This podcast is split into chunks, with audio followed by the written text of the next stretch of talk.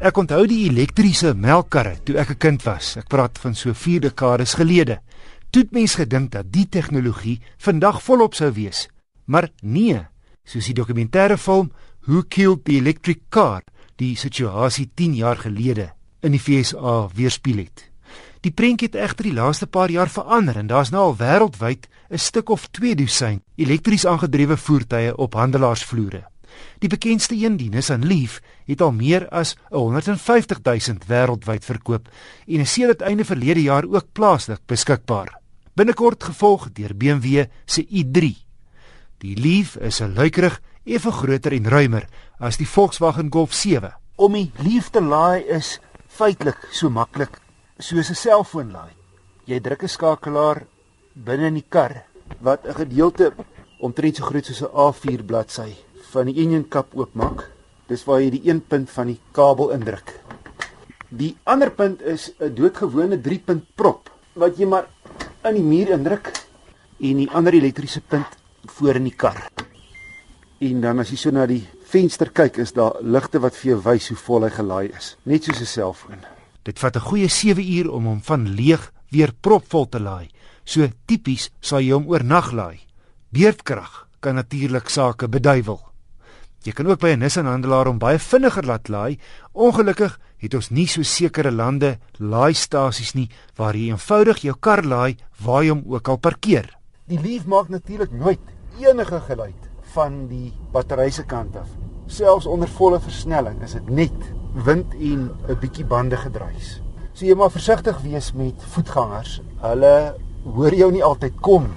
Gooi hom in trierad is daar wel so 'n ligte piep piep geluid om die bestuurder en mense buitekant te waarsku. Wanneer jy rem, laai die battery. Alles word mooi grafies op 'n skerm uitgelê. Met die venster oop, klink 'n wegtrek van stilstand af so.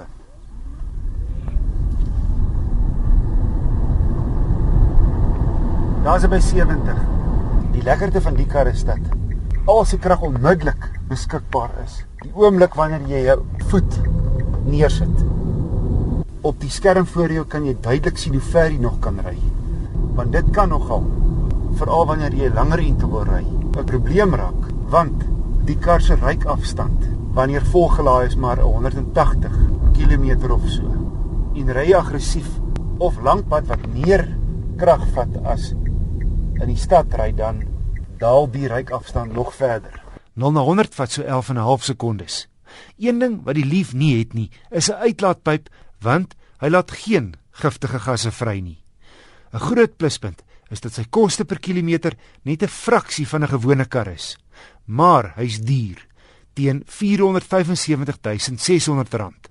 Goed, jy kry 'n redelike luukse wa met goed soos leersitplekke, tog en klimaatbeheer, 'n trikamera en 'n ritsveiligheidskenmerke.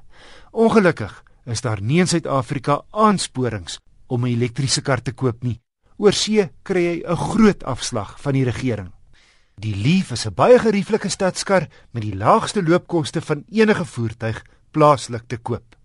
Maar wat teen hom tel, is sy hoë prys, kort ryafstand en Eskom se wisselvallige kragvoorsiening.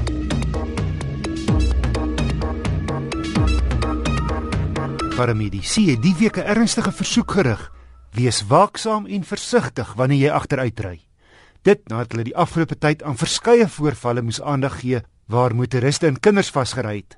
My wenk van die week is: maak doodseker jy weet waar die kinders op die erf is wanneer jy of enigiemand anders agteruitry. Gordel hulle vas in die kar voordat jy begin beweeg of maak seker dat iemand hulle vashou op 'n veilige afstand.